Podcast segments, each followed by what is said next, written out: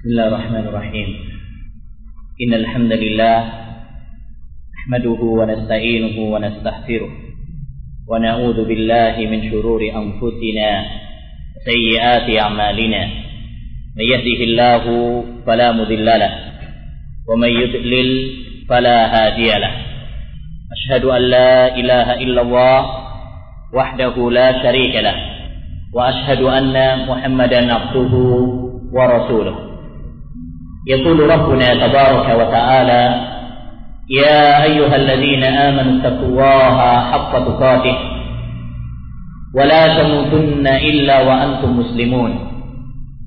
وقال يا أيها الذين آمنوا اتقوا الله وقولوا قولا سديدا يصلح لكم أعمالكم ويغفر لكم ذنوبكم ومن يطع الله ورسوله فقد فاز فوزا عظيما.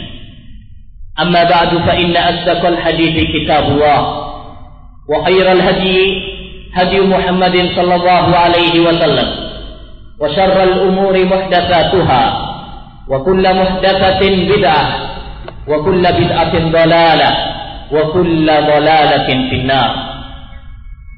أيها الإخوة وأيتها الأحوال رحمني ورحمكم الله Alhamdulillah kita bersyukur kepada Allah Subhanahu wa taala. Di mana di pagi ini Allah Subhanahu wa taala mengumpulkan kita di salah satu rumah dari rumah-rumah Allah Subhanahu wa taala dalam rangka menuntut ilmu, menimba ilmu agama. Yang kita mohon kepada Allah Subhanahu wa taala agar kedatangan kita di majlisul ilmu ini termasuk apa yang disabdakan oleh Nabi Muhammad sallallahu alaihi wasallam dalam hadisnya yang sahih? Man salaka tariqan yaltamisu fihi ilma sahhala Allahu lahu bihi tariqan ila jannah barang siapa yang menempuh perjalanan dalam rangka menuntut ilmu agama maka Allah Subhanahu wa taala akan memudahkan baginya jalan menuju surga. Naam menuntut ilmu adalah jalan menuju surga karena dengan ilmu kita akan mengetahui mana yang benar dan mana yang salah, mana yang tauhid dan mana yang syirik, mana yang sunnah dan mana yang bid'ah, mana jalan menuju surga dan mana jalan menuju neraka. Semoga Allah Subhanahu wa taala memberikan keikhlasan kepada kita dalam perjalanan menuntut ilmu ini dan semoga Allah Subhanahu wa taala memberkahi apa yang kita kaji sehingga bermanfaat bagi kita di dunia dan di akhirat. Ayyuhal ikhwa wa ayyatuhal akhwat rahimani wa rahimakumullah. Pada kajian yang pertama ini insyaallah taala kita akan membahas tentang hakikat pemikiran Syekh Abdul Qadir Al-Jilani atau yang biasa kita kenal Al-Jailani. Sosok nama Syekh Abdul Qadir Al-Jilani adalah sosok yang dikenal oleh masyarakat Indonesia. Berbagai penilaian dan sikap manusia terhadapnya. Ada yang berlebihan dan ada yang meremehkan. Dan yang paling benar adalah tengah-tengah dalam menyikapinya. Golongan yang pertama adalah golongan yang sangat mengagumi beliau sampai derajat berlebihan kepada beliau. Oleh karenanya di Indonesia ini ada ritual khusus yang disebut dengan manakipan atau dulqadiran yang berisi pembacaan kitab manakib beliau yang penuh dengan dongeng-dongeng keluar biasaan dan keanehan-keanehan beliau. Sekedar contoh, dalam sebagian kitab manakib disebutkan bahwa tatkala ada salah seorang murid Syekh Abdul Qadir Al-Jilani meninggal dunia, maka ibunya datang kepada beliau sambil menangis-nangis. Mendengar tangisan sang ibu, maka Syekh Abdul Qadir Al-Jilani merasa kasihan. Akhirnya di sore harinya beliau terbang ke angkasa menemui malaikat maut Dan di sana dia berjumpa dengan malaikat maut yang sedang membawa keranjang yang berisi roh-roh yang dicabut nyawanya pada hari itu. Maka Syekh Abdul Qadir Al-Jilani meminta kepada malaikat maut untuk mengembalikannya. Mengembalikan roh siapa? Muridnya. Tapi malaikat maut nggak mau. Akhirnya terjadi pertengkaran. Karena terjadi pertengkaran, maka keranjangnya jatuh. Akhirnya orang-orang yang dicabut nyawanya oleh malaikat maut pada hari itu kembali hidup lagi. Ada lagi dikisahkan dalam Lubabul Ma'ani ini kitab yang berisi tentang manakib Syekh Abdul Qadir Al-Jilani juga diceritakan pernah Syekh Abdul Qadir Al-Jilani meletakkan tangannya pada tulang-tulang ayam yang mudah berserakan dan hancur. Kemudian Syekh Abdul Qadir Al-Jilani mengatakan, hiduplah dengan izin Allah Subhanahu wa taala. Maka akhirnya ayam itu pun hidup lagi. Seraya mengatakan Ashhadu an la ilaha illallah Muhammadar Rasulullah wa Syekh Abdul Qadir Waliullah. Ini hanya sekedar contoh-contoh dongeng-dongeng atau hikayat-hikayat yang dinisbatkan kepada orang-orang yang berlebihan kepada Syekh Abdul Qadir Al-Jailani yang kita yakin bahwa kisah-kisah seperti ini adalah didustakan kepada beliau.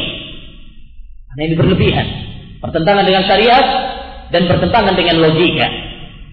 Demikian juga orang-orang yang berlebihan kepada Syekh Abdul Qadir Jailani sering kali menyebut dan menghadiahkan pahala amalan-amalan mereka kepada Syekh Abdul Qadir Jailani. Ila hadrat Syekh Abdul Qadir Jailani, misalkan Al-Fatihah. Bahkan ada juga yang sampai kepada istighatsah kepada beliau. Meminta-minta kepada beliau. Maka semua ini ayol ikhwa sikap yang keliru.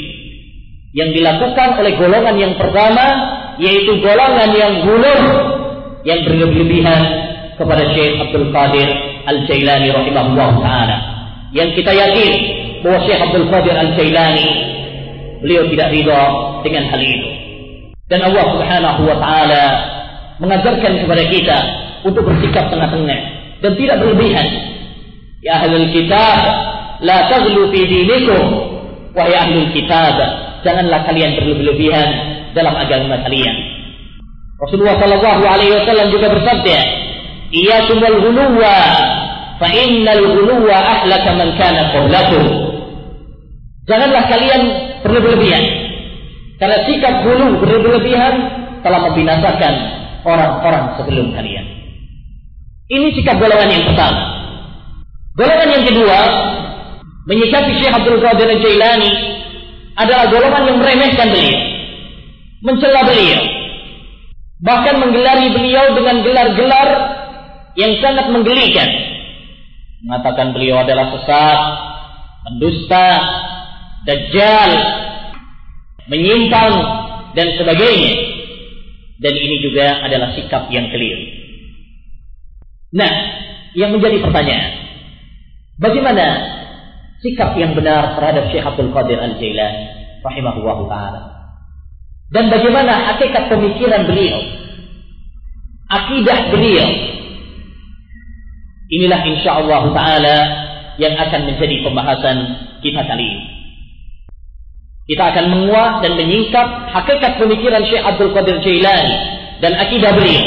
Kemudian bagaimana sikap para ulama terhadap beliau Insya Allah ini yang akan kita bahas kali ini dalam beberapa poin pembahasan.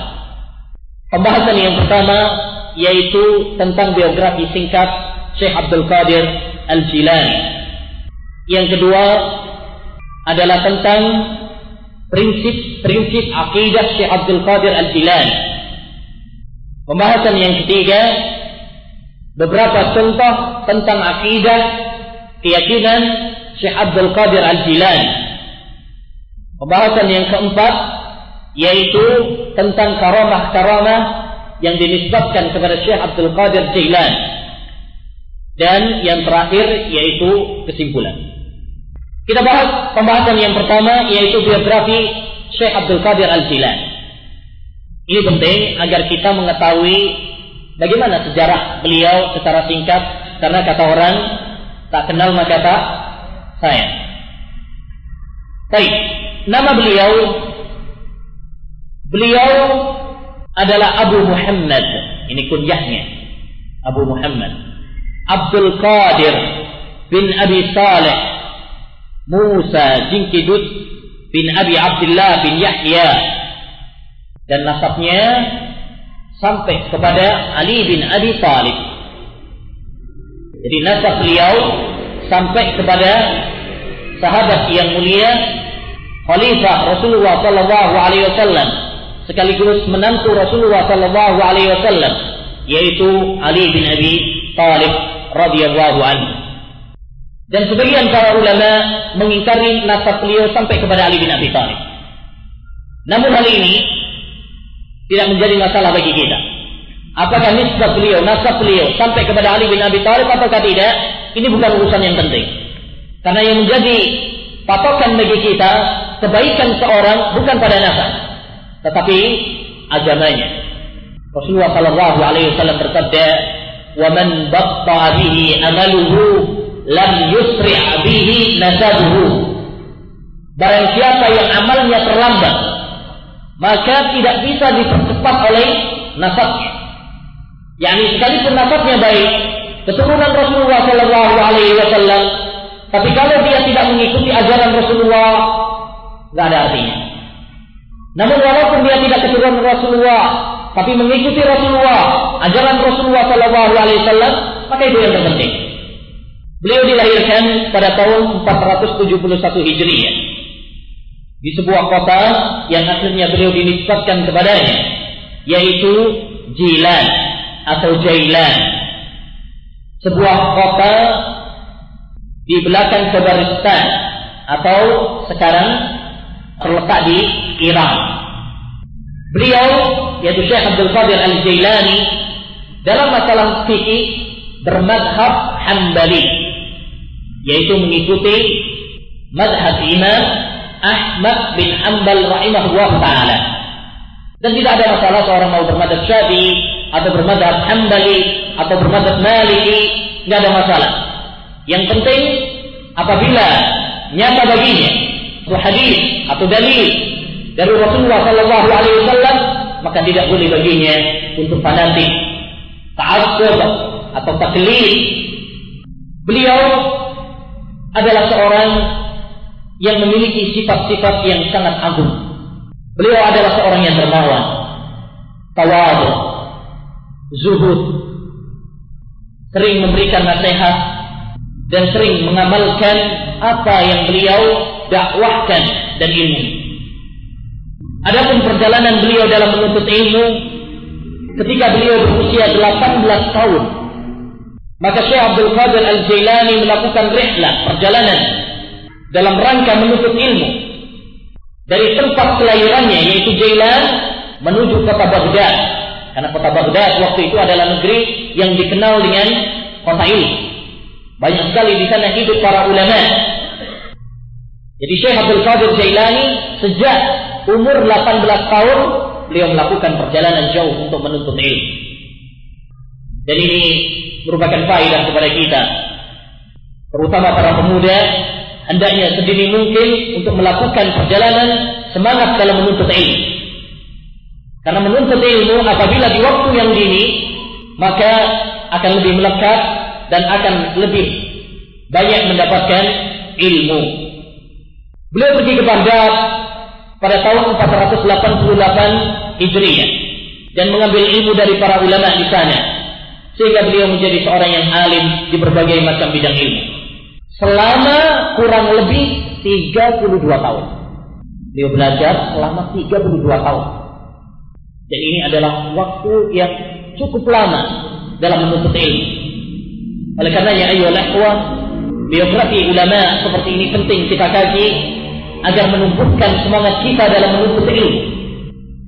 Wallahi, kalau kita membaca sirah perjalanan para ulama dalam menuntut ilmu, kita akan malu. Kalau kita bandingkan semangat para ulama dengan semangat kita, nggak ada apa-apanya. Ini penting untuk menyembul dan memompa semangat kita dalam menuntut ilmu. Karena kita sangat membutuhkan ilmu. Al-Imam Ahmad rahimahullah taala pernah mengatakan, "Hajatun nas ila al-ilmi ashaddu min hajatihim ila ta'ami wal syarab." Kebutuhan manusia kepada ilmu lebih daripada kebutuhan mereka kepada makanan dan minuman. Kebutuhan manusia kepada makanan dan minuman mungkin tiga kali dalam sehari cukup. Tapi kebutuhan mereka kepada ilmu tiga kali dalam sehari tidak cukup. Karena dalam setiap detik dan menit kita, kita membutuhkan ilmu. Semua gerak kita dalam kehidupan ini membutuhkan ilmu. Beliau belajar kepada para ulama yang terkenal. Bahkan jumlah guru beliau ratusan. Di antara guru beliau yang terkenal adalah Abdul Khattab Al-Kalwazani, seorang ulama ahli fikih dalam madhab Hambali. Demikian juga seorang ulama yang bernama Al-Imam Ibnu Aqil, seorang ulama ahli fikih juga dalam madhab Hanbali. Dan beliau juga belajar kepada Ja'far As-Sarraj, ini seorang ulama ahli hadis yang memiliki banyak karya-karya ilmu. Dan beliau belajar dalam masalah akhlak dan kezuhudan dari Hamad bin Muslim Ad-Dabbas, salah seorang ulama yang sangat berpengaruh atau seorang guru yang sangat berpengaruh pada diri Syekh Abdul Qadir Al-Jilani dalam masalah kesuhutan, akhlak dan sebagainya. Syekh Abdul Qadir Al-Jilani juga memiliki banyak murid yang terkenal. Yang akhirnya banyak menyebarkan ilmu-ilmu dan menulis karya-karya ilmiah. Di antaranya adalah Al-Imam Abdul Ghani Al-Maqdisi. Menulis kitab Umdatul Ahkam Demikian juga Al-Imam Abu Muhammad Al-Maqdisi atau yang dikenal dengan Ibnu Qudamah, penulis kitab Al-Mughni atau kitab Lum'atul I'tiqad atau yang lain. Ini termasuk muridnya Syekh Abdul Qadir Al-Jilani. Dan di antara muridnya beliau juga adalah putranya sendiri yang bernama Abdul Razzaq dan Abdul Wahab dan sebagai faedah, beliau memiliki anak yang cukup banyak. Disebutkan dalam biografinya bahwa anak beliau berjumlah 49. Ya, 49. 27 laki-laki. Lebihnya wanita. Masya Allah. Baik, adapun kitab-kitab dan karya tulis beliau, beliau yaitu Syekh Abdul Qadir Al-Jilani banyak menyibukkan dengan mengajar.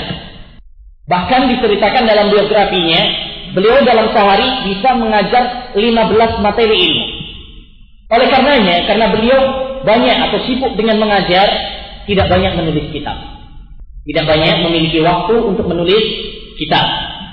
Oleh karenanya, sangat jarang sekali buku-buku karya beliau.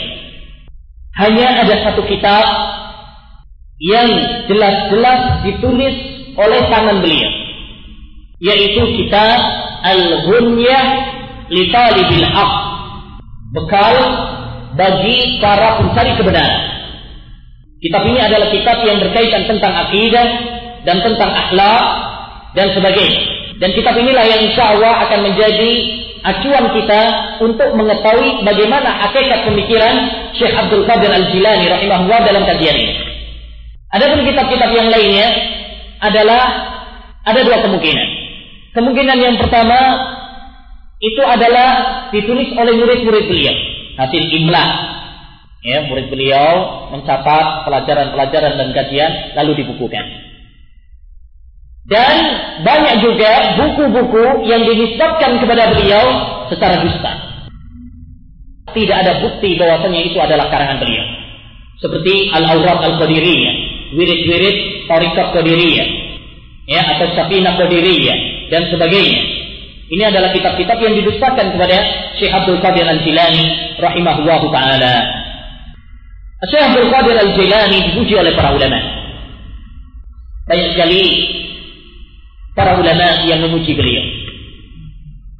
Al-Imam Az-Zahabi rahimahullahu taala dalam kitabnya Syiar A'lamin Nubala tatkala menyampaikan dan mensifati beliau, beliau mengatakan dalam biografi Syekh Abdul Qadir Jailani, huwa syekh al-imam al-alim al-zahid al-arif al-qudwa syekhul islam alamul awliya muhyiddin Abdul Qadir Al-Jilani rahimahullah ta'ala banyak gelar-gelar, sanjungan-sanjungan dan pujian-pujian dari Imam Jarah wa Ta'adil Al-Imam Zahabi rahimahullah ta'ala.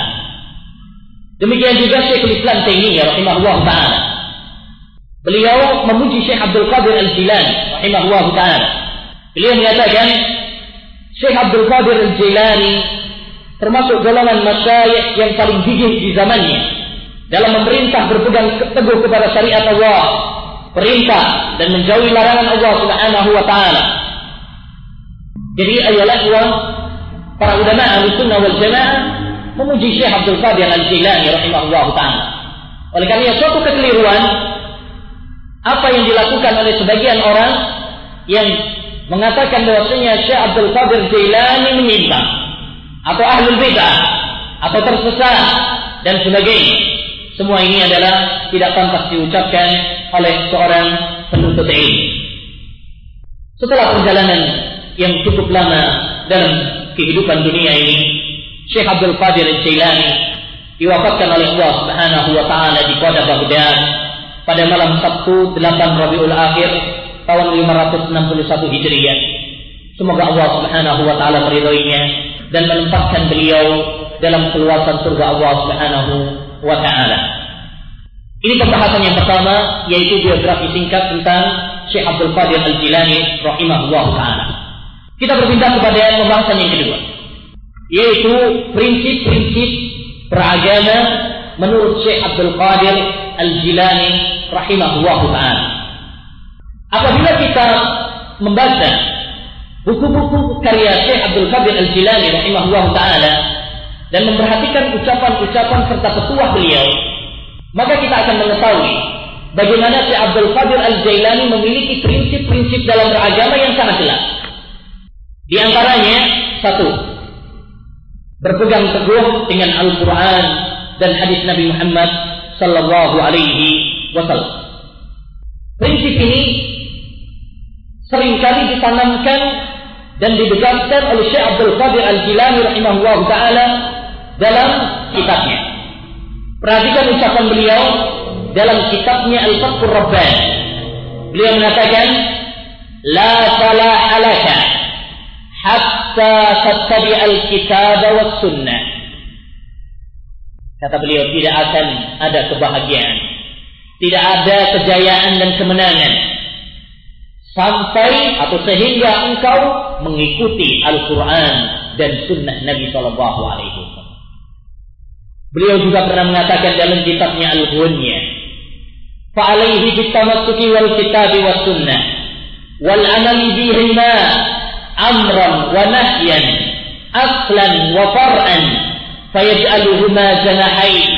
yasiru bihima fi tariqil wasil ila Allah jalla wa ala."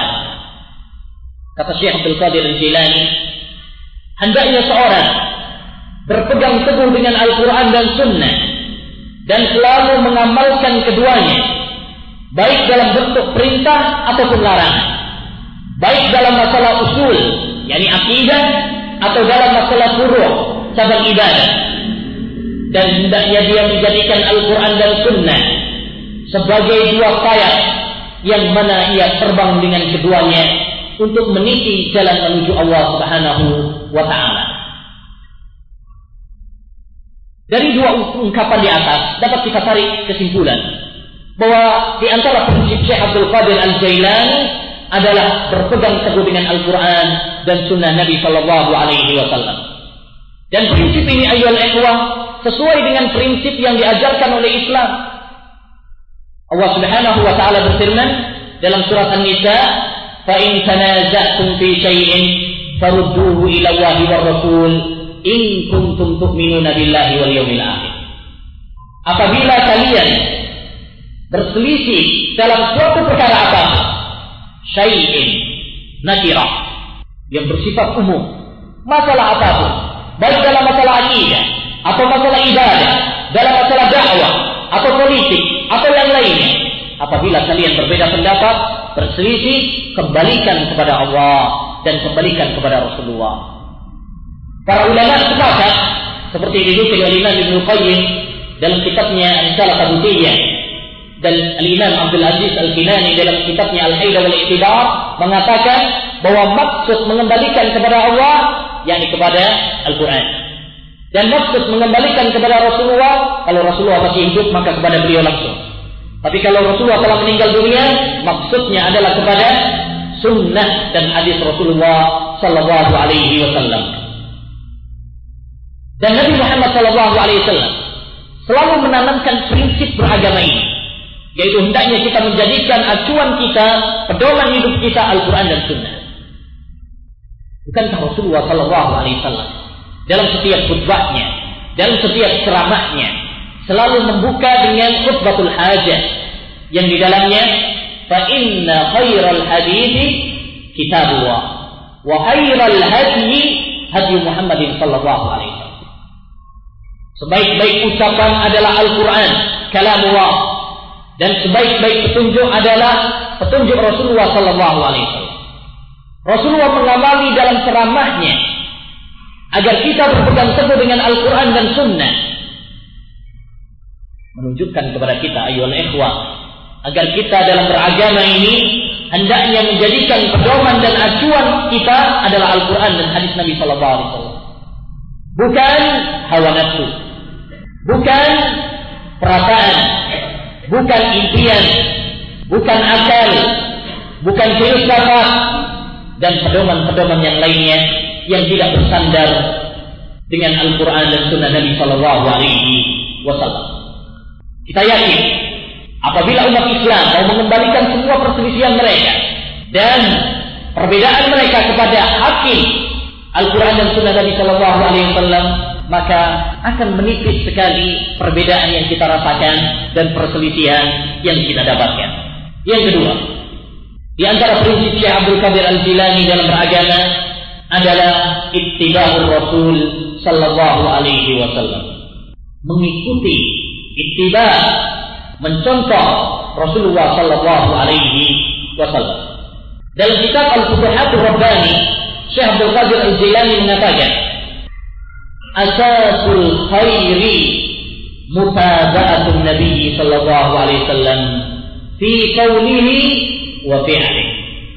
Kata beliau, sumber kebaikan adalah dengan mengikuti Nabi Muhammad Sallallahu Alaihi Wasallam, baik dalam ucapan ataupun perbuatan beliau. Dan beliau juga pernah mengatakan dalam kitabnya Al-Ghunyah di Talibil Haq, wal aula lil akil mu'min kay ay yattabi'a wa la yattabi' wa la yughali wa ya'mik wa yatakallam li'alla yadilla wa yadil wa yahlik Qala Abdullah الله Mas'ud radhiyallahu رضي ittabi'u wa la tattabi'u faqad kufitu. kata Syekh Abdul Qadir Al-Jilani yang paling utama bagi seorang mukmin yang berakal yang cerdas adalah mengikuti sunnah Rasulullah Sallallahu Alaihi Wasallam dan tidak melakukan perbuatan bid'ah. Dia tidak berbuat hal yang melewati batas, hulul, dan tidak juga bertele-tele dalam agama agar dia tidak tersesat dan tergelincir sehingga dia binasa. Kemudian beliau menukil perkataan Abdullah bin Mas'ud, "Ittabi'u wa la tattabi'u faqad kufitum." Ikutilah kalian sunnah Rasulullah sallallahu alaihi wasallam. Janganlah kalian berbuat bid'ah karena kalian telah diberi kecukupan. Artinya Islam telah sempurna, tidak membutuhkan tambahan perbuatan-perbuatan bid'ah cukuplah bagi kalian sunnah Rasulullah sallallahu alaihi wasallam.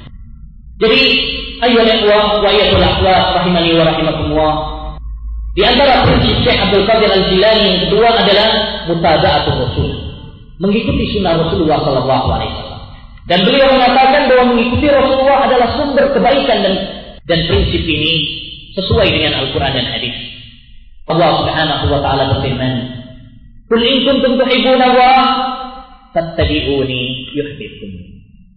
Apabila kalian mengaku cinta kepada Allah Subhanahu wa taala, maka ikutilah saya, yaitu Rasulullah sallallahu alaihi wasallam. Dan Allah Subhanahu wa taala berfirman, Wa may yuti'illah faqad ata Allah. Barang siapa yang taat kepada Rasul, wa may yuti'ir Rasul faqad Allah. Barang siapa yang taat kepada Rasul, maka sesungguhnya dia telah taat kepada Allah Subhanahu wa taala. Dan Allah Subhanahu wa taala berfirman, "Wa in tuti'uhu tahtadu." Kalau kalian taat kepada Rasulullah, maka kalian akan mendapatkan hidayah. Kalian tidak tersesat. Oleh karenanya hendaknya bagi kita ayat ikhwan di tengah hidup yang penuh dengan fitnah, tantangan, celaan, hendaknya bagi kita untuk berpegang teguh dengan sunnah Rasulullah SAW. Agar kita tidak tergelincir, agar kita tidak menyimpang dari apa yang telah digariskan oleh Allah Subhanahu wa taala dan Rasulullah sallallahu alaihi wasallam. Dahulu para ulama mengatakan al-ittisamu bis sunnati najah. Berpegang teguh dengan sunnah Rasulullah sallallahu alaihi wasallam adalah kunci kesuksesan. Dan seorang ulama juga pernah mengatakan as-sunnatu safinatun Nuh. Sunnah itu seperti perahunya Nabi Nuh. Barang siapa yang menaikinya maka dia selamat dan barang siapa yang tidak menaikinya maka dia akan binasa. Dan di antara ucapan beliau juga yang menarik dalam prinsip ini beliau menekankan tentang syarat diterimanya amal ibadah seorang hamba yaitu ikhlas dan mutada. Perhatikan apa kata beliau Syekh Abdul Qadir Al-Jilani. Beliau mengatakan, "Ila alinta hadhil a'mal la tuqbalu minka illa bil ikhlas fala yuqbalu qawlun bila amal. Wala amalun bila ikhlasin wa isabati sunnah. Apabila engkau mengetahui bahwa amalan-amalan ini tidaklah diterima oleh Allah Subhanahu wa taala kecuali dengan ikhlas ya maka tidaklah diterima suatu ucapan kecuali dengan amal. Dan amal tidak diterima oleh Allah Subhanahu wa taala kecuali dengan ikhlas wa isabati sunnah dan sesuai dengan petunjuk Rasulullah sallallahu alaihi wasallam. Dan apa yang beliau katakan ini sesuai dengan firman Allah Subhanahu wa taala. "Faman kana yarju liqa'a rabbih falyamal 'amalan shalihan wa la yushrik bi ibadati rabbih ahada." Barang siapa yang berharap perjumpaan dengan Allah Subhanahu wa taala, maka hendaknya dia beramal saleh dan tidak berbuat syirik. Al-Imam Ibnu Katsir mengatakan hendaknya dia beramal saleh, suatu amalan tidak dikatakan saleh baik kecuali apabila sesuai dengan sunnah Rasulullah SAW. Dan tidak menyekutukan yakni ikhlas. Dalam firman Allah Subhanahu wa taala yang lain Allah berfirman, "Linabluwakum ayyukum ahsanu amala." Agar kami menguji kalian siapa yang paling baik amalnya. Yang diinginkan oleh Allah Subhanahu wa taala adalah yang paling baik, bukan paling banyak. Hudain bin Iyad mengatakan yang paling baik itu adalah ahlasuhu wa aswabuhu, yang paling ikhlas dan paling benar. Ikhlas yakni meniatkan lurus hanya untuk Allah Subhanahu wa taala semata dan benar yakni sesuai dengan tuntunan Rasulullah sallallahu alaihi wasallam. Prinsip yang ketiga yang ditetapkan dan ditegaskan oleh Syekh Abdul Qadir Al-Jilani rahimahullahu taala adalah beliau mengikuti akidah salafis saleh, ahlu sunnah wal jamaah. Beliau menegaskan hal ini dalam pelajaran-pelajaran beliau dan dalam karya-karya beliau. Di antara ucapan beliau, beliau mengatakan, bagaimana dinukil oleh Imam Az-Zahabi dalam Syiar Alam Nubala, bahwa Syekh Abdul Qadir Al-Jailani pernah mengatakan, "Iktiqaduna iktiqadis salafis salih was sahabah." Keyakinan kami adalah keyakinan salafus salih dan keyakinan para sahabat. Dan beliau juga pernah mengatakan bagaimana dalam kitabnya Al-Fathur Rabban beliau mengatakan alaikum bil ittiba min ghairi ittida alaikum bi madhhab salaf salih umsu fil jadatil mustaqim hendaknya kalian ittiba mengikuti sunnah Rasulullah sallallahu alaihi wasallam bukan ittida yaitu berbuat bid'ah. Alaikum bimadhabis salafis salih. Hendaknya kalian mengikuti madhab salafis salih. Siapa salafis salih? Salaf secara bahasa artinya yang telah lalu. Dan yang dimaksud di sini adalah mengikuti para sahabat Nabi Shallallahu Alaihi Wasallam. Oleh karenanya, setiap orang yang berpegang teguh dengan Al-Quran dan berpegang teguh dengan hadis Rasulullah Shallallahu Alaihi Wasallam dan mengikuti jalannya para sahabat, maka dialah di atas manhaj salafis saleh. Beliau juga pernah mengatakan, "Fa'alal mu'mini ittiba'us sunnati wal jamaah." Hendaknya bagi seorang mukmin untuk mengikuti as-sunnah wal jamaah. Fas-sunnatu kemudian beliau menjelaskan apa yang dimaksud dengan ahli sunnah wal jamaah. Fas-sunnatu ma sannahu Rasulullah sallallahu alaihi wasallam wal jamaatu mattafaqa alaihi ashabu Rasulillah sallallahu alaihi wasallam. Sunnah yakni ajaran Nabi Muhammad sallallahu alaihi wasallam. Sedangkan jamaah yakni perjalanan dan pemahaman para sahabat Nabi Muhammad sallallahu alaihi wasallam.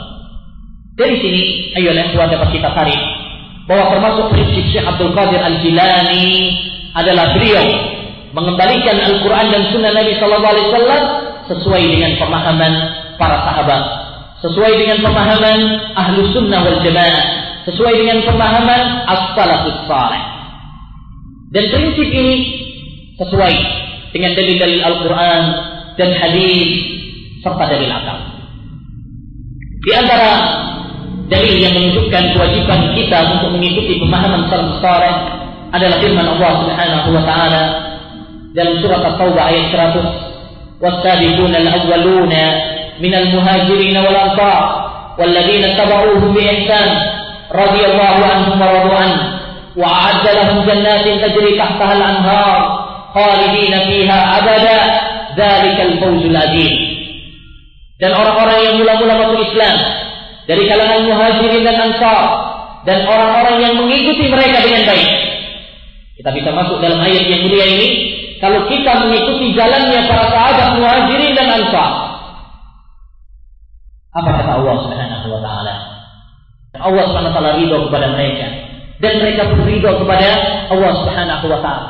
Dan Allah mempersiapkan bagi mereka surga yang mengalir di bawahnya sungai-sungai. Dan itulah keberuntungan yang sangat besar. Dan Nabi Shallallahu Alaihi Wasallam juga bersabda, "Setertariku hadhihi ummah ala salasin wa sab'ina firqah, kulluha bin nar illa wahidah." Qalu man hiya ya Rasulullah? Qala ma ana alaihi al-yawma wa ashabi. Umatku ini akan berpecah belah menjadi 73 golongan semuanya masuk neraka. Walaupun tidak harus kafir dan tidak harus kekal di neraka. Semuanya menyimpang, semuanya bakal terancam dengan neraka kecuali satu golongan. Para sahabat bertanya, siapa golongan yang selamat tersebut wahai Nabi? Maka Nabi SAW menjawab, Ma ana alaihi yawma wa ashabi. Orang yang berpegang teguh dengan ajaran saya dan ajaran para sahabat saya. Hari ini di sini Nabi SAW menggabungkan antara sunnah beliau dengan sunnah para sahabatnya. Menunjukkan kepada kita bahwasanya ini tidak bisa dipisahkan. Oleh karena ya dalam hadis yang lain tentang wasiat perpisahan Nabi, Nabi pun menggabung. Fa'alaikum bisunnati wa sunnatil khulafa'i rasyidin. Abdu 'alaiha bin nawajib. Tatkala Nabi mengabarkan bahwa akan terjadi perpecahan dan perselisihan pada umat ini, Nabi berwasiat dan berpesan kepada kita, hendaknya kalian berpegang teguh dengan sunnahku dan sunnah ulama rasyidin, sunnah para sahabat. Lalu Nabi mengatakan, "Abdu 'alaiha." Gigitlah. Genggamlah dengan kuat. Di situ kalau kita teliti, 'alaiha dalam bahasa Arab itu domir mufrad satu. Nabi menyebutkan dua sunnah, sunnahku dan sunnah sahabat. Tapi Nabi kemudian menggabung, menunjukkan kepada kita bahwa kedua sunnah tersebut tidak bisa terpisahkan. Kalau kita ingin mengikuti Al-Quran dan Hadis, maka hendaknya sesuai dengan pemahaman para sahabat. Karena dan ini dalil akal, apabila kita menyerahkan pemahaman Al-Quran dan hadis ini sesuai dengan kadar akal manusia masing-masing, maka yang terjadi adalah perbedaan, yang terjadi adalah perselisihan. Karena akal manusia berbeda-beda. Pemahaman manusia bertingkat-tingkat. Oleh karenanya kalau kita serahkan Al-Quran dan Sunnah ini kepada masing-masing orang, maka akan yang terjadi adalah perselisihan. Kesimpulannya, di antara prinsip Syekh Abdul Qadir Al-Jilani adalah mengikuti madhab as-salafus saleh dalam beragama. Yang keempat, di antara prinsip beliau adalah mengingkari bid'ah. Bid'ah adalah suatu perkara agama. Perhatikan, perkara agama. Adapun masalah dunia, maka tidak dinamakan bid'ah secara istilah. Oleh karenanya para ulama memberikan satu kaidah. Asal dalam masalah dunia hukumnya halal sampai ada dalil yang mengharamkannya. Berbeda dengan masalah agama atau ibadah, maka hukum asalnya adalah haram sampai ada dalil yang contohkannya. Jadi bid'ah adalah perkara agama yang tidak pernah dicontohkan oleh Nabi dan para sahabatnya. Syekh Abdul Qadir Al-Jailani sering kali menekankan kepada kita untuk memerangi bid'ah. Perhatikan perkataan beliau. Ittabi'u wa la tabtadi'u. Ikutilah. Ittiba'lah kalian kepada sunnah Rasulullah sallallahu alaihi wasallam wa la tabtadi'u. Jangan kalian berbuat bid'ah. Ya. Karena bid'ah ya sangat memiliki konsekuensi yang sangat berbahaya. Di antaranya orang yang berbuat berbuat bid'ah secara tidak langsung menuding bahwa agama Islam ini belum sempurna. Padahal Allah Subhanahu wa taala berfirman, "Al-yauma akmaltu lakum dinakum." Pada hari ini telah aku sempurnakan agama kalian. Oleh karenanya Al-Imam Malik pernah mengatakan, "Man ibtada'a bid'atan yaraha hasanah faqad za'ama anna Muhammadan khana risalah. Barang siapa yang melakukan bid'ah lalu dia menganggapnya bid'ah yang baik, maka pada dasarnya dia mengatakan Rasulullah SAW mengkhianati risalah. Ada sebagian permasalahan agama ini yang belum disampaikan oleh Rasulullah SAW. Dan ini adalah tudingan yang sangat hina kepada Rasulullah SAW. Karena Rasulullah telah menyampaikan semua seluk beluk syariat Islam kepada kita. Jangankan masalah akidah, masalah buang kotoran saja Rasulullah SAW telah menjelaskannya kepada kita. Bagaimana dengan masalah-masalah ibadah, bagaimana dengan masalah akidah dan selainnya. Jadi termasuk prinsip Syekh Abdul Qadir Al-Jailani adalah apa? Mengingkari bid'ah. Dan ini penting. Karena Rasulullah SAW selalu mewanti-wanti kita, selalu memberikan peringatan kepada kita agar kita tidak terjerumus di dalam bid'ah. Bukankah Rasulullah SAW pada setiap Jumat dalam setiap pengajiannya beliau mengatakan wa iyyakum wa muhdatsatil umur. Hati-hatilah kalian dari perkara agama yang baru, perkara ibadah yang baru. Fa inna kulla muhdatsatin bid'ah wa kullu bid'atin dhalalah. Karena setiap yang baru dalam agama itu adalah namanya bid'ah dan setiap bid'ah itu adalah sesat. Baik, ini prinsip beliau. Sekalipun untuk keadilan, tetap kita katakan bahwa Syekh Abdul Qadir Al-Jailani sekalipun beliau dalam wasiatnya memerangi bid'ah, tapi beliau terkadang terjerumus di dalam bid'ah tanpa beliau ketahui. Di dalam kitab Al-Ghunyah beliau tergelincir dalam beberapa masalah yang itu adalah suatu kebid'ahan tapi oleh beliau dianggap sebagai suatu tuntunan Rasulullah SAW. Seperti amalan-amalan khusus di bulan Rajab, amalan-amalan khusus di bulan Asyura, salat-salat khusus pada tiap hari yang dalil-dalilnya adalah hadis yang baik dan palsu. Demikian juga termasuk ketergelinciran beliau adalah mengatakan bolehnya seorang safar untuk bertujuan kepada kuburan. Ini termasuk ketergelinciran ketergelinciran beliau, kesalahan-kesalahan beliau. Yang kita mohon kepada Allah Subhanahu wa taala Semoga Allah Subhanahu wa taala mengampuni beliau. Karena sebagaimana kata Syekhul Islam Taimiyah rahimahullah dalam kitabnya Majmu'ul Fatawa, katsirun min mujtahidi salaf qalu wa fa'alu ma huwa bid'ah wa ya'lamu annaha bid'ah. Banyak di antara ulama-ulama salaf mereka mengucapkan dan melakukan suatu kebid'ahan tapi mereka tidak sadar, tidak tidak mengetahui bahwa apa yang mereka ucapkan dan mereka lakukan itu adalah satu kebidahan. Imma li ahadits dhaifah dhannuha sahihah. Mungkin karena adanya hadis-hadis yang lemah yang dianggap oleh mereka sebagai hadis yang sahih. Seperti Syekh Abdul Qadir Jilani. Beliau mensunahkan amalan-amalan khusus di bulan Rajab, di bulan Syaban, di bulan Ashura padahal hadis-hadisnya semuanya tidak ada yang sahih sebagaimana dikatakan oleh para ulama ahli hadis dan beliau terpengaruh oleh Syekh Abu Hamid Al-Ghazali dalam kitabnya Ihya Ulumuddin. Sebagaimana penelitian sebagian para ulama bahwa Syekh Abdul Qadir Al-Jilani dalam kitabnya Al-Ghunyah banyak terpengaruh oleh buku Ihya Ulumuddin. Nah, kemudian kata Syekhul Islam juga, wa inna li ayatin fahimu minha ma lam yarid minha atau karena adanya ayat-ayat yang mereka pahami padahal tidak demikian pemahamannya. Wa inna li ra'yin ra'au wa bil mas'alati nususun lam tablughum atau ada suatu pendapat yang mereka berpendapat dengan masalah tersebut padahal ada nas-nas yang sahih yang belum sampai kepada mereka. Wa idza taqarra rajulu rabbahu mastata da'ala fi qoulihi ta'ala Rabbana la tu'akhidna in nasina aw akhtana. Ya, kalau seorang sudah berusaha semaksimal mungkin kemudian dia tergelincir, maka ini masuk dalam firman Allah, "Ya Allah, janganlah kamu siksa kami apabila kami salah atau lupa." Demikian juga kita mengatakan terhadap Syekh Abdul Qadir Al-Jailani, sekalipun beliau adalah memiliki prinsip-prinsip beragama yang sangat bagus, namun beliau tergelincir dalam beberapa masalah. Yang kita mohon kepada Allah Subhanahu wa taala agar Allah Subhanahu wa taala mengampuni kesalahan-kesalahannya.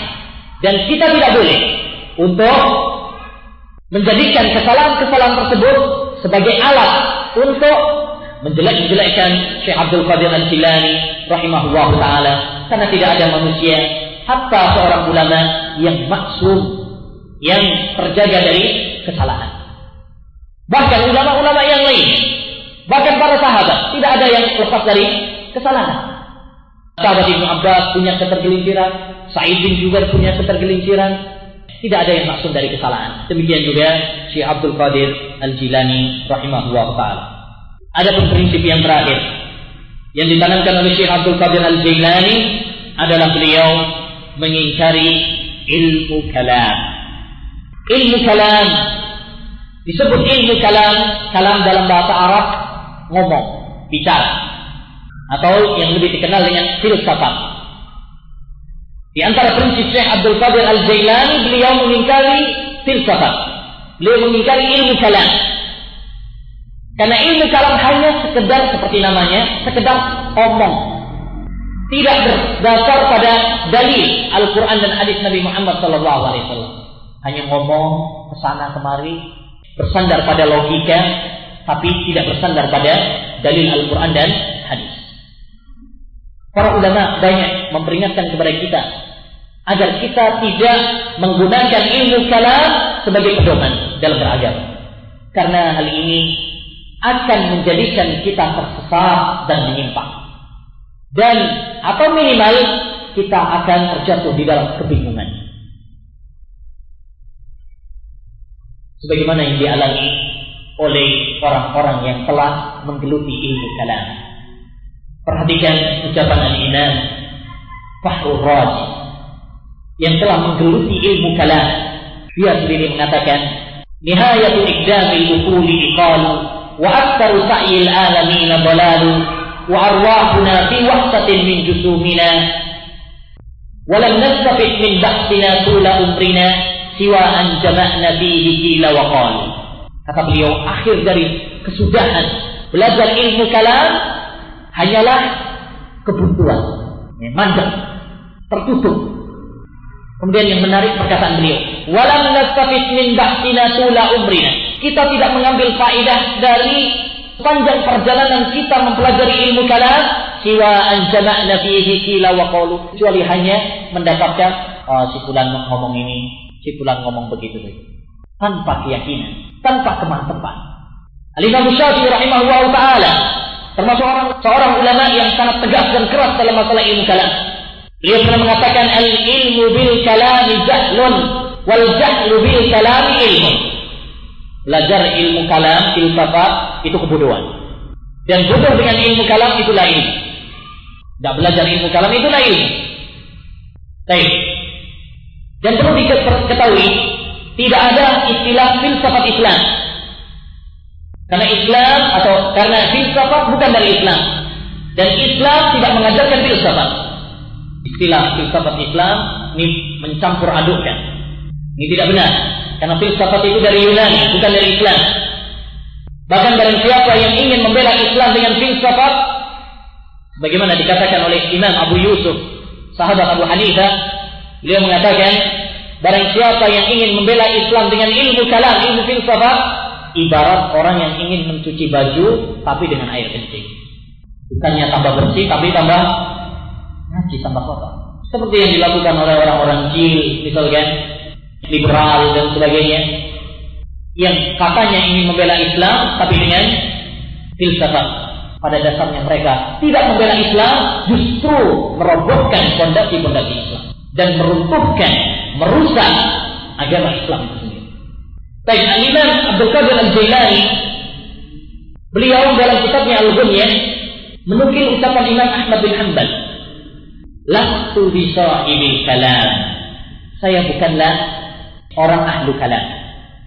Wala ara al-kalam fi shay'in min hadha illa ma kana fi kitabillah aw hadithin an Nabi sallallahu alaihi wasallam aw an ashabi. Saya tidak berpendapat kecuali apa yang di dalam Al-Quran, di dalam hadis, dan perkataan para sahabat Nabi Sallallahu Alaihi Wasallam, au anit tabi'in atau dari tabi'in. Fa'anna ghairu dzalik fa innal kalam fihi ghairu mahmud. Adapun selain hal itu, selain Al-Quran, selain hadis, selain asar salaf, maka hal itu tidaklah terpuji. Baik, ini di antara prinsip Syekh Abdul Qadir Al-Jailani rahimahullah taala yaitu mengingkari ilmu kalam dan ahlul kalam. Bantah juga ahlul kalam. Menarik sekali apa yang dikatakan oleh Imam Syafi'i rahimahullah taala. Beliau memberikan hukuman yang sangat keras kepada ahlul kalam. Kata beliau, "Hukmi di ahlul kalam an yudrabu bil jaridi wal mi'al." Hukumanku bagi ahlul kalam ahli filsafat itu hendaknya dia dipukul pakai kelepak kurma sama sandal. Ini dipukul. Wa yutafu, kemudian dikelilingkan desa-desa. Wa yuqalu lahu dan dikatakan ya ada jazaa'u man taraka al-kitab wa sunnah wa aqbala ala ilmi kalam. Ini adalah hukuman bagi orang yang meninggalkan Al-Quran dan Sunnah kemudian menuju ilmu kalam. Baik, demikian ayo ikhwan prinsip Syekh Abdul Qadir Al-Jailani. Teringkas yang pertama, berpegang teguh dengan Al-Quran dan Sunnah. Yang kedua, ittiba pada Rasulullah Sallallahu Alaihi Wasallam. Yang ketiga, mengikuti akidah salafus saleh. Dan yang keempat, mengingkari kebid'ahan. Dan yang kelima, mengingkari ilmu kalam. Kita berpindah kepada pembahasan yang ketiga.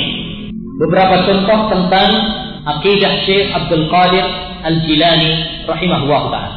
Baik, pembahasan ini cukup panjang sebenarnya. Ya, karena bahas akidah itu kalau diperinci membutuhkan kajian rutin, cukup panjang. Tapi kita akan ambil beberapa contoh saja dari akidah-akidah beliau. Dan saya tekankan di sini yaitu masalah-masalah prinsip akidah Syekh Abdul Qadir Jailani yang berseberangan dengan orang-orang yang menisbatkan dirinya kepada Syekh Abdul Qadir Al-Jailani rahimahullah taala. Baik. Yang pertama, contoh yang pertama adalah penetapan tauhid, rububiyah, uluhiyah, dan asna wa sifat. Sebagaimana dimaklumi bersama bahwa berdasarkan penelitian sesama terhadap dalil-dalil Al-Quran dan hadis Nabi Shallallahu Alaihi Wasallam, para ulama menyimpulkan bahwa tauhid itu terbagi menjadi tiga: tauhid rububiyah, tauhid uluhiyah, dan tauhid asma wa sifat. Dan pembagian ini ayol ikhwah pembagian yang ilmiah berdasarkan dalil Al-Quran dan hadis. Bukan pembagian yang bid'ah seperti diklaim oleh sebagian orang. Ini hanya dibuat-buat oleh uh, Ibnu Taimiyah atau Muhammad bin Abdul Wahab atau yang lainnya. Ini pembagian yang ilmiah. Kalau kita memperhatikan ayat-ayat Al-Quran banyak sekali yang menegaskan tentang pembagian ini. Di antara ayat yang menggabung tentang pembagian ini adalah firman Allah Subhanahu wa taala dalam surat yang pertama kali dalam Al-Quran dan dalam surat akhir Al-Quran. Surat yang pertama kali dalam Al-Quran yaitu surat Al-Fatihah. Di dalamnya terdapat pembagian tauhid. Allah Subhanahu wa taala berfirman, "Alhamdulillahi rabbil alamin." Dan ini adalah tauhid rububiyah, rabbil alamin. Ar-Rahmanir Rahim. Ini adalah tauhid asmaul sifat karena di antara nama Allah Subhanahu wa taala adalah Ar-Rahman dan Ar-Rahim. Demikian juga Malik Yaumiddin. Ini termasuk tauhidul asmaul sifat. Iyyaka na'budu wa iyyaka nasta'in. Ini adalah tauhid uluhiyah. Tauhid ibadah. Demikian juga dalam akhir surat yaitu surat An-Nas. Qul a'udzu bi rabbin nas Rabbin Nas tauhid rububiyah. Malikin Nas tauhid asma wa sifat. Malik termasuk nama Allah Subhanahu wa taala. Ilahin Nas ilah tauhid uluhiyah. Jadi ayat ikhwah pembagian ini adalah pembagian yang ilmiah. Berdasarkan penelitian ulama terhadap Al-Quran dan hadis. Bukan pembagian yang baru. Atau pembagian yang bid'ah. Tidak. Orang yang mengatakan seperti itu adalah orang yang jahil, orang yang bodoh terhadap kandungan Al-Quran dan hadis Nabi Muhammad Sallallahu Alaihi Wasallam. Bahkan kalau kita perhatikan ayat Al uh, surat yang pertama kali Al-Quran dan akhir surat dalam Al-Quran yang menetapkan pembagian tauhid menjadi tiga, dapat kita ambil satu faedah bahwa Al-Quran semua isinya adalah membahas tentang tauhid dibuka dengan tauhid dan ditutup dengan tauhid. Seakan-akan Allah Subhanahu taala memberikan isyarat kepada kita. Sebagaimana kamu hidup di atas tauhid, maka matilah kamu di atas tauhid. Baik. Syekh Abdul Qadir Al-Jilani rahimahullah taala menetapkan pembagian tauhid ini. Kita rinci kita mulai dulu dari tauhid rububiyah. Tauhid rububiyah yaitu seorang mengesahkan Allah Subhanahu wa taala dalam masalah rububiyah. Kita yakin bahwasanya Allah Subhanahu wa taala yang mengatur, Allah Subhanahu wa taala yang menciptakan, Allah yang memberi, menurunkan hujan, Allah yang mematikan, Allah yang memberikan rezeki dan sebagainya. Syekh Abdul Qadir Al-Jilani menetapkan tauhid rububiyah ini. Beliau mengatakan, "I'riful haqqa bi sun'atih wa huwal khaliqur razik." Ketahuilah olehmu keberadaan Allah Subhanahu wa taala dengan atau melalui ciptaan-ciptaannya. Dialah Allah Subhanahu wa taala yang Maha Pencipta dan Maha Pemberi rezeki. Demikian juga dalam kitabnya Al-Hunyah beliau mengatakan bab fi ma'rifati sani azza wa jalla. Sani azza wa jalla bil ayati wa dalalati Fahya an ya'rifa wa yatayaqqana anna Allah wahidun, ahadun, fardun, samadun. Bab penjelasan tentang cara mengetahui sang pencipta yaitu Allah Subhanahu wa taala. Kami katakan ada pun cara seorang untuk mengetahui sang pencipta Allah Subhanahu wa taala adalah dengan memperhatikan tanda-tanda kekuasaan Allah Subhanahu wa taala dan bukti-bukti kekuasaan Allah Subhanahu wa taala. Secara ringkas dapat kita katakan Allah adalah zat yang tunggal dan satu, tidak berbilang dan beliau adalah sobat. Dari dua ucapan tersebut dapat kita tarik bahwasanya Syekh Abdul Qadir Al-Jilani menetapkan tauhid rububiyah. Dan tauhid ini adalah tauhid yang diakui oleh semua manusia. Bahkan orang-orang kafir yang diperangi oleh Rasulullah Sallallahu Alaihi Wasallam juga menetapkan tauhid ini. Bukankah Allah Subhanahu Wa Taala sering mengatakan, "Wala in sa'altahum man khalaqas samawati wal arda la yaqulun Allah." Seandainya kamu bertanya kepada mereka, orang-orang kafir, Abu Jahal dan teman-temannya, ya, siapa yang menciptakan langit dan bumi? Mereka mengatakan Allah Subhanahu taala. Oleh karenanya sekedar pengakuan tauhid rububiyah ya tidak memasukkan seorang kepada Islam.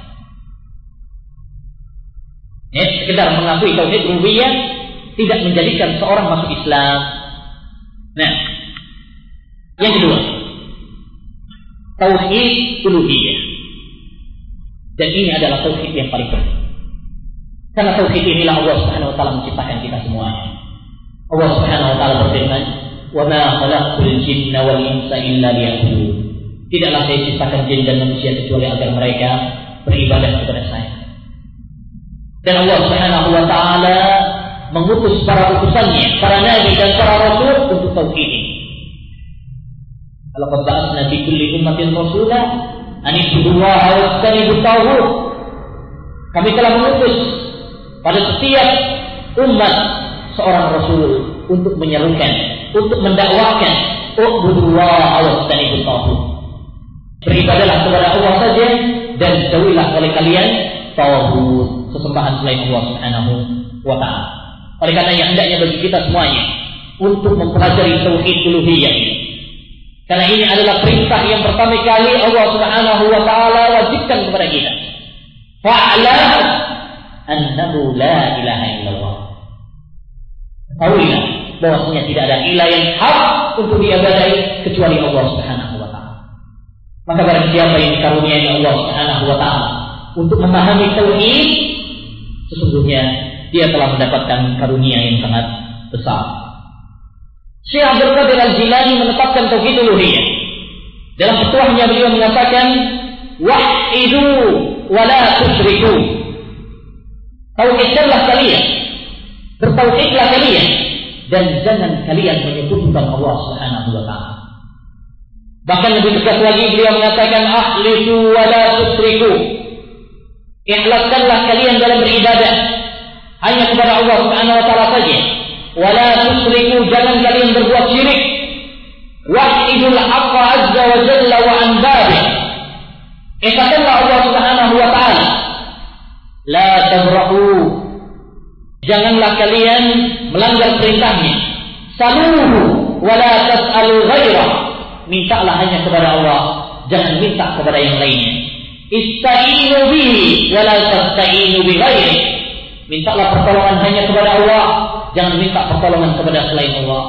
Tawakkalu alaih wala tatawakkalu ala ghairi. Bertawakallah hanya kepada Allah, jangan bertawakal kepada selainnya. Perhatikan bagaimana petua Syekh Abdul Qadir Al-Jilani yang sangat menakjubkan. Yang menganjurkan dan memerintahkan kepada kita untuk hanya bertauhid kepada Allah Subhanahu wa taala. Berdoa hanya kepada Allah, minta pertolongan hanya kepada Allah. Sebagaimana firman Allah, Iyyaka na'budu wa iyyaka nasta'in. Hanya kepada Engkau ya Allah kami beribadah dan hanya kepada Engkau kami meminta pertolongan. Perhatikan di sini iyyaka na'budu didahulukan objeknya, maf'ul bihnya untuk menunjukkan pembahasan. Seakan-akan dalam sholat kita kita berdoa ya Allah hanya kepada Engkau kami berdoa bukan kepada selain. Hanya kepada Engkau kami beribadah meminta pertolongan bukan kepada selain. Ya. Lantas bagaimana ayol ikhwah wa ayatul akhwat? Kalau seandainya Syekh Abdul Qadir Al-Jilani mengetahui apa yang dilakukan oleh sebagian orang yang menisbahkan diri mereka kepada Syekh Abdul Qadir Al-Jilani yang meminta-minta kepada beliau yang meminta-minta kepada kuburan beliau di sana di Baghdad kuburan beliau banyak dijadikan wisata. Tempat banyak orang ya meminta-minta. Sebagaimana mungkin dapat kita saksikan di Indonesia ini begitu banyak persebaran dan di Banten ini cukup banyak dan menarik. Ya, baik. Demikian juga doa. Syekh Abdul Qadir Jilani eh, banyak orang yang berdoa berdoa kepada beliau, wasul kepada beliau. Semua ini kita yakin. Seandainya beliau mengetahuinya, maka beliau tidak ridha. Oleh karenanya, untuk menjaga kemurnian tauhid ibadah ini, beliau pun membendung segala kesyirikan-kesyirikan, segala hal-hal yang dapat menodai tauhid. Di antaranya, beliau melarang at-tiara. Apa tiara? Merasa siap. Beliau mengatakan, "Wa tukrahu tiaratu" dan tidak boleh dan lafaz makruh dalam bahasa ulama salaf maksudnya adalah haram. Ya, berarti diharamkan untuk merasa siap. Ya, hal ini berdasarkan sabda Nabi Shallallahu Alaihi Wasallam, "At-tiaratu syirkun." Tiara merasa sial itu adalah termasuk kesyirikan. Orang sial dengan bulan, pas ini kita bulan apa ini? Haram. Jarang ngadain hajatan, mantenan kalau pas bulan Muharram. Tanya ini bulan sial. Ada yang merasa sial dengan apa? Angka. Angka berapa? 13. Ini kadang di pesawat nggak ada nomor 13. Ya, nggak ada para pemain sepak bola atau pemain olahraga yang menggunakan nomor 13. Khawatir siap. Semua ini adalah termasuk tiara. Ada yang kalau melihat hewan, ular misalkan, atau burung gagak, ini tanda siap. Ya, ada yang kalau nebak pohon nanti takut siap. Semua ini itu termasuk tiara dan termasuk adat-adat jahiliyah yang telah diberantas oleh Islam. Baik. Ada pun yang ketiga yaitu tauhidul asma wa sifat. Tauhidul asma wa sifat. Dan tauhid ini adalah tauhid yang sangat penting. Syekh Abdul Qadir Al-Jailani rahimahullah taala telah memberikan kepada kita kaidah yang sangat bagus di dalam memahami tauhidul asma wa sifat. Beliau pernah mengatakan dalam kitabnya Al-Ghunya, "La nahruju anil kitab wa sunnah." Kita tidak keluar dari Al-Qur'an dan Sunnah. Naqra'ul ayat wal khabar wa nu'minu bima fihima. Kita membaca ayat dan membaca hadis dan kita beriman dengan kandungan ayat dan hadis tersebut. Wa nakilu kayfiyata sifat ila ilmi Allah azza wa jalla. Adapun bagaimananya kita serahkan kepada Allah Subhanahu wa taala. Kaidah ini dalam masalah memahami tauhidul asma wa sifat sesuai dengan pemahaman salafus saleh.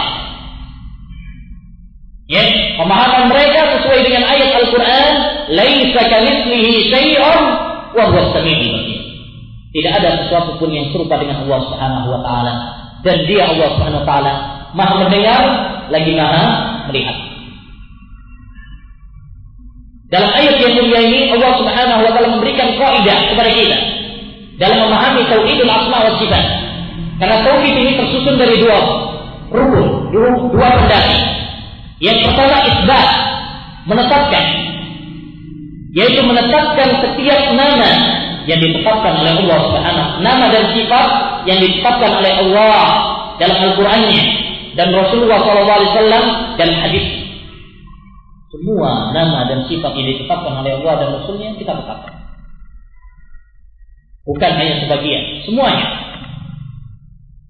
Yang kedua, kita tidak menyamakannya dengan makhluk. Laisa kamitslihi syai'un. Karena kita tidak mengetahui hakikat bagaimananya sifat Allah Subhanahu wa taala sebagaimana kita tidak mengetahui zat Allah Subhanahu wa taala. Kalau ada yang bertanya, kalau ada yang bertanya kepada atau kita tanya kepada seorang, apakah kamu tahu zat Allah Subhanahu wa taala? Semuanya tidak akan mengatakan tahu. Demikian juga kita. Allah Subhanahu wa taala tidak ada yang yang tahu. Baik.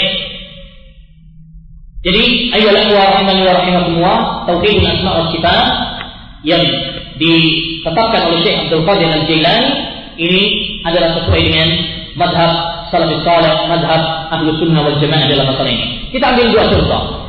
Bagaimana Syekh Abdul Qadir Jailani menetapkan sifat-sifat Allah Subhanahu wa taala sebagaimana yang ditetapkan oleh Al-Qur'an dan hadis.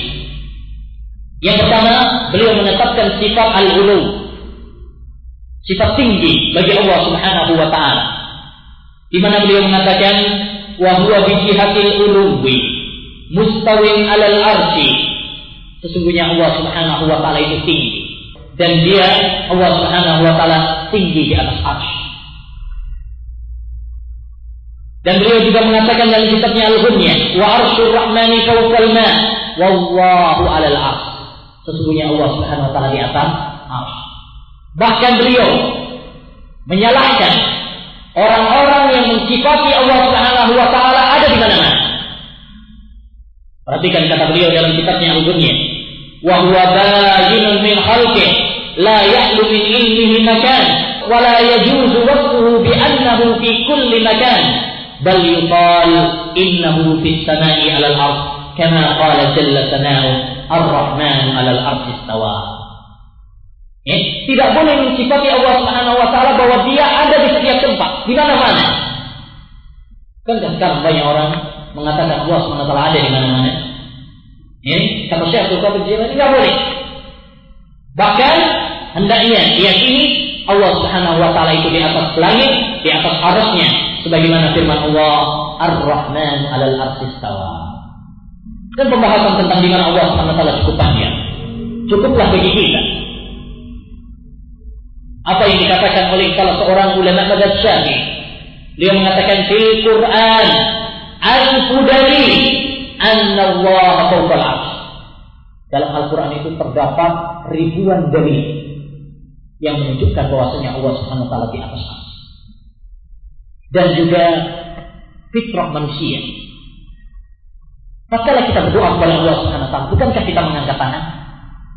Tatkala kita mengangkat tangan, apakah berarti ya, kita meyakini Allah Subhanahu wa taala ada di mana-mana?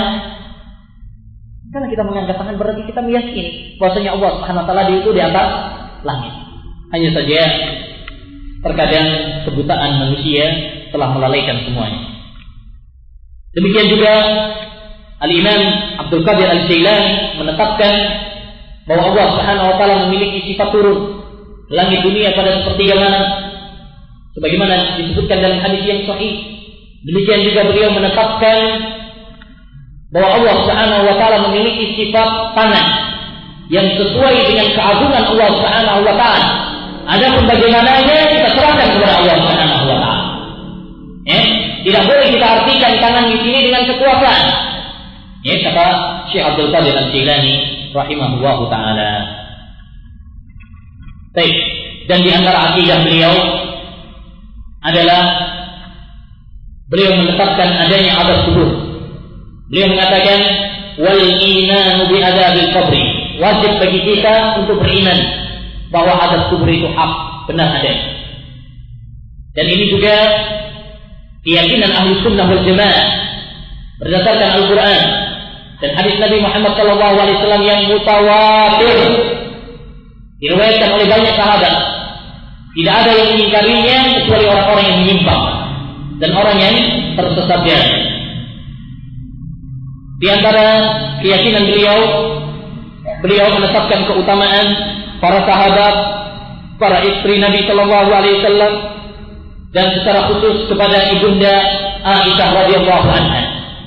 Beliau mengatakan, wa anna Aisyah afdalu nisa'il alamin wa barra'ah Allah min qawlil mulhidin fiha bima yukrau wa yutla ila yaumil qiyam Kita beriman bahwasanya Aisyah adalah wanita paling utama di antara sekalian wanita yang ada dan bahwasanya Allah Subhanahu wa taala telah membersihkan nama baiknya di dunia ini dari tuduhan orang-orang munafik yang akan dibaca sampai kiamat kelak. Dan ini saya cantumkan karena beberapa bulan yang lalu beberapa orang-orang Syiah mengadakan perayaan besar-besaran di London, Inggris dengan judul Aisyah Finnar, Aisyah di neraka. Dengan penuh kebiadaban mereka mengatakan bahwasanya Aisyah bukan hanya di neraka, bahkan di paling bawahnya neraka. Dan dengan penuh kelancangan mereka mengatakan bahwasanya Aisyah sedang memakai sedang memakan bangkai badannya. Nauzubillah min dzalik.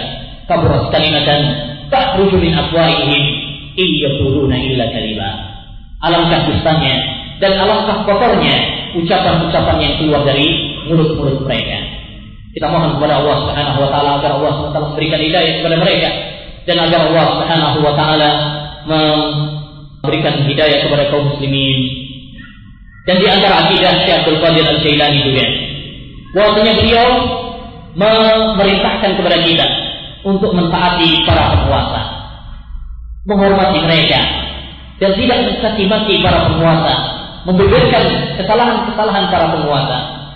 Beliau mengatakan, wa sunnah ajma'u ala sam'i wa ta'ah bi a'immatil muslimin wa tibaihim wa salati khalfa kulli barrin minhum wa fajir wal ajibi minhum wal jahil. Kata beliau, ahlu sunnah wal jamaah bersepakat untuk mendengar dan taat kepada para pemimpin kaum muslimin serta selalu mengikuti mereka dan sholat bermakmum di belakang setiap pemimpin baik pemimpin yang baik ataupun pemimpin yang jahat karena dengan taat kepada para pemimpin akan terciptakanlah keamanan. Berbeda apabila kita memberontak kepada para pemimpin, mencaci maki para pemimpin, memanasi masyarakat untuk benci kepada pemimpin, maka yang terjadi adalah huru hara, pemberontakan, demonstrasi, dan kerusakan-kerusakan yang lainnya yang itu sangat bertentangan dengan keinginan kita agar negara kita negara yang uh, aman dan sentosa. Bab yang terakhir yaitu bab tentang karamah Syekh Abdul Qadir Al-Jilani rahimahullah taala.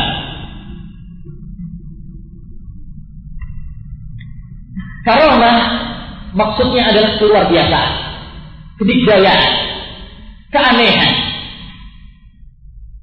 Ya. Dan ini ada bagi orang-orang yang bertakwa, bagi wali-wali Allah Subhanahu wa taala. Terkadang Allah Subhanahu wa taala memberikan keluar biasaan kepada sebagian hambanya untuk menolongnya dari dalam beberapa keadaan. Oleh karenanya termasuk akidah Ahlussunnah wal Jamaah yang ditetapkan oleh Syekh Abdul Qadir juga yaitu mengimani adanya karamah bagi para wali Allah Subhanahu wa taala. Beliau mengatakan dalam kitabnya Al-Dunya, "Wa azma'u ala taslimi mu'jizatil anbiya wal karamatil lil awliya."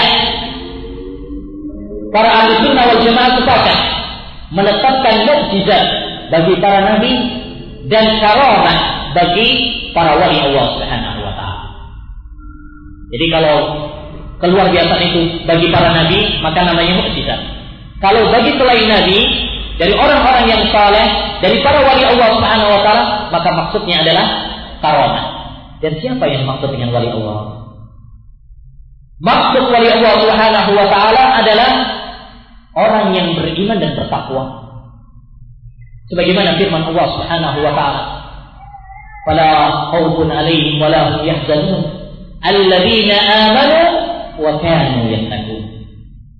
Tidak ada ketakutan dan kesedihan bagi mereka. Siapa? Bagi wali-wali Allah Subhanahu wa taala. Ala inna awliya Allah la khaufun alaihim wa la hum yahzanun. Para wali wali Allah Subhanahu wa taala itu tidak ada kesedihan bagi mereka dan ketakutan. Siapa? Ditafsirkan oleh Allah Subhanahu wa taala. Alladzina amanu, yaitu orang-orang yang beriman. Wa dan orang-orang yang bertakwa. Jadi yang namanya wali Allah Subhanahu wa taala itu adalah yang bertakwa dan beriman. Bukan berarti setiap orang yang memiliki keluar biasaan atau kedikdayaan atau keanehan-keanehan yang sekarang banyak bermunculan di media-media. Ya, bisa apa namanya makan besi, bisa apa namanya uh, dilindes mobil mempan dan sebagainya Ya, semua ini bukanlah wali Allah Subhanahu wa taala. Apabila mereka tidak berpegang dengan Al-Quran dan Nabi uh, berpegang teguh dengan Al-Quran dan Sunnah Nabi Shallallahu Alaihi Wasallam. Al Imam Syafi'i rahimahullah pernah mengatakan, "Idza ra'aita syahsan fatyatiru, wa fawqa ma'il bahri yasiru, wa lam ala hududi syar'i, fa'lam annahu mustadrajun bil ilm." Apabila kamu melihat ada orang yang bisa terbang atau berjalan di atas api, padahal dia orangnya jauh dari agama, dari Al-Quran dan Sunnah, maka ketahuilah itu adalah tipu daya iblis agar dia terus di dalam kesesatan. Ya? Nah, oleh karena ya, Syekh Abdul Qadir Al-Jilani menegaskan hal ini. Kita nggak boleh tertipu, terpedaya dengan setiap keanehan. Sampai atau sehingga kita menimbang orang tersebut, apakah dia betul-betul orang yang beragama atau tidak. Perhatikan perkataan Syekh Al-Jilani rahimahullah taala beliau mengatakan udkhulil jannata bil misbah masuklah kamu dalam kegelapan dengan sinar dan cahaya wa huwa kitabullah wa sunnatu sallallahu alaihi wasallam yaitu cahaya maksudnya adalah Al-Qur'an dan sunnah Nabi sallallahu alaihi wasallam fa in khatara khatiran aw jadda al-kitab wa sunnah apabila terbesit dalam hatimu sesuatu atau datang kepadamu suatu ilham, maka timbanglah semua itu dengan Al-Quran dan Sunnah. Ya, fa'in wajadta fiha tahrima kalau kamu mendapati dalam Al-Quran dan Sunnah haramnya hal itu, ya, mislu an hana al-zina wa riya wa mukhalata ahli al-fisq wal fujur wa ghairi dhalika min al-ma'asi fa'fu anhu wahjurhu wala taqbalhu wala ta'mal bihi waqtaq bi annahu minas syaitanir lain. Kalau kamu mendapatkan impian atau ilham, halalnya sesuatu yang diharamkan oleh Allah, yakinlah bahwa itu adalah dari setan. Orang dapat ilham, eh, bahwasanya udah kamu udah nggak apa-apa nggak sholat. Ya, karena kamu sudah sampai kepada derajat hakikat. Dan apa-apa. Kalau kamu mendapatkan ilham seperti itu, kata Syekh, yakinlah bahwa itu adalah dari setan. Oleh karena diceritakan dalam biografi Syekh Abdul Qadir Al-Jilani bahwa beliau pernah melihat singgasana besar dan di atasnya ada cahaya. Kemudian mengatakan, wahai Abdul Qadir, saya telah menggugurkan kewajiban yang saya tidak gugurkan kepada hamba-hambaku yang lain. Ya, maka Syekh Abdul Qadir Al-Jilani mengatakan, Pergilah engkau wahai musuh Allah Subhanahu wa taala. Yani beliau langsung menegaskan ini adalah iblis. Tatkala orang-orang mengatakan dari mana kamu mengetahui wahai Abdul Qadir bahwasanya itu iblis? Dari perkataannya saya gugurkan kewajiban yang saya wajibkan bagi yang lainnya. Padahal syariat ini telah sempurna. Oleh karenanya apabila ada suatu kelompok agama yang berdasarkan kepada impian-impian, oh mimpi ini dapat wirid, Ya, mimpi ini dapat amalan ini, dapat ajaran begini, yakinlah bahwasanya agama ini telah sempurna. Agama tidak berdasarkan dengan impian. Ya, agama ini telah sempurna. Al-yawma akmaltu lakum. Kalau seandainya semua orang dapat mengamalkan beragama dengan mimpinya, terus apa artinya kesempurnaan agama? Dan semua orang akan ber, beribadah sesuai dengan mimpinya masing-masing. Oh, aku, saya mimpi ini, saya mimpi itu. Ya, baik. Kemudian ayo ikhwah karena kita berbicara tentang karomah dalam dunia sufi karomah adalah satu hal yang sangat bertebar dan seakan-akan menjadi simbol kewalian seorang. Demikian halnya dengan Syekh Abdul Qadir Jailani. Banyak sekali karomah-karomah yang dinisbatkan kepada beliau sehingga menjadi sifat yang menonjol dalam biografi beliau. Ya, para ulama seperti Imam Zahabi atau Imam Ibn Rajab, ya, Imam bin Abdul Salam dan lain-lain, mereka mengatakan saya tidak mengetahui seorang yang lebih banyak karomahnya daripada Syekh Abdul Qadir Jilani. Beliau banyak memiliki uh, karomah-karomah. Namun dalam menyikapi karomah beliau ini, manusia terbagi menjadi tiga macam. Ada golongan yang berlebihan di dalam mengingkarinya. Sampai-sampai mencela beliau atau mensifati beliau dengan pendusta, menyimpang, bid'ah dan sebagainya. Di antara mereka adalah Ali Muhammad Al-Qurmani. Dan ini adalah golongan yang keliru. Golongan yang kedua adalah golongan yang fanatik dan menerima semua yang dinisbatkan kepada dia. Berupa keanehan-keanehan seperti tadi yang saya sebutkan, bahwa beliau terbang ke angkasa, duel sama malaikat maut, sampai keranjang yang jatuh akhirnya hidup semuanya. Ya, dongeng-dongeng yang nggak masuk akal dan nggak mungkin. Ya, masa ngejar malaikat maut? Malaikat maut siapa yang nyuruh? Baik, kan Allah Subhanahu Wa Taala juga yang nyuruh. Baik, demikian juga beliau dapat menghidupkan ayam yang sudah mati, sudah jadi tulang-tulang, dihidupkan lagi, bisa nyebut lagi. Asyhadu an la ilaha illallah wa anna Muhammadar Rasulullah wa anna Syekh Abdul Qadir waliullah. Ya. Semua ini adalah dongeng-dongeng yang tidak sesuai dengan timbangan Al-Quran dan Hadis dan tidak sesuai dengan akal. Namun bagi orang yang fanatik semua itu boleh-boleh saja. Nah ini yang salah juga. Kita tidak boleh berlebihan dan tidak boleh meremehkan. Banyak kitab-kitab tentang manakib Syekh Abdul Qadir Jailani. Yang paling terkenal di Indonesia yaitu kitab Lubabul Ma'an. Kitab Lubabul Ma'an. Dan kitab ini banyak sekali penyimpangan-penyimpangannya atau dongeng-dongeng yang tidak masuk akal yang telah dibantah oleh salah seorang dalam bukunya buku manakib uh, manakib buku manakib Abdul Qadir Jailani merusak akidah.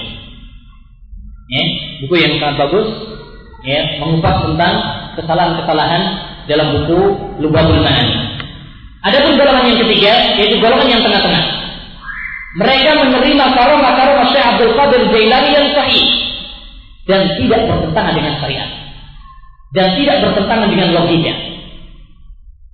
Adapun yang berlebihan kepada beliau atau hal-hal yang enggak uh, diterima oleh akal, ya, maka mereka uh, tidak menerimanya. Inilah yang dilakukan oleh para ulama seperti Al-Imam Ibnu Taimiyah, Imam Ibnu Qudamah, Zahabi dan lain-lainnya. Sebagaimana sikap kita kepada Syekh Abdul Qadir Jailani, kita menghormati beliau, kita memuji beliau, ya. Tetapi kita tidak berlebihan kepada beliau. Demikianlah ayyuhal ikhwah wa ayyuhal akhwat rahimani wa rahimakumullah apa yang dapat kita sampaikan dalam kajian yang pertama ini tentang hakikat pemikiran Syekh Abdul Qadir Al-Jilani rahimahullah taala. Semoga penjelasan kajian kali ini dapat memberikan manfaat kepada kita semuanya tentang sosok Syekh Abdul Qadir Al-Jilani rahimahullah taala. Kita istirahat sebentar, 5 menit atau 10 menit, kemudian kita lanjutkan kajian yang kedua tentang Syekhul Islam Ibnu Taimiyah rahimahullah taala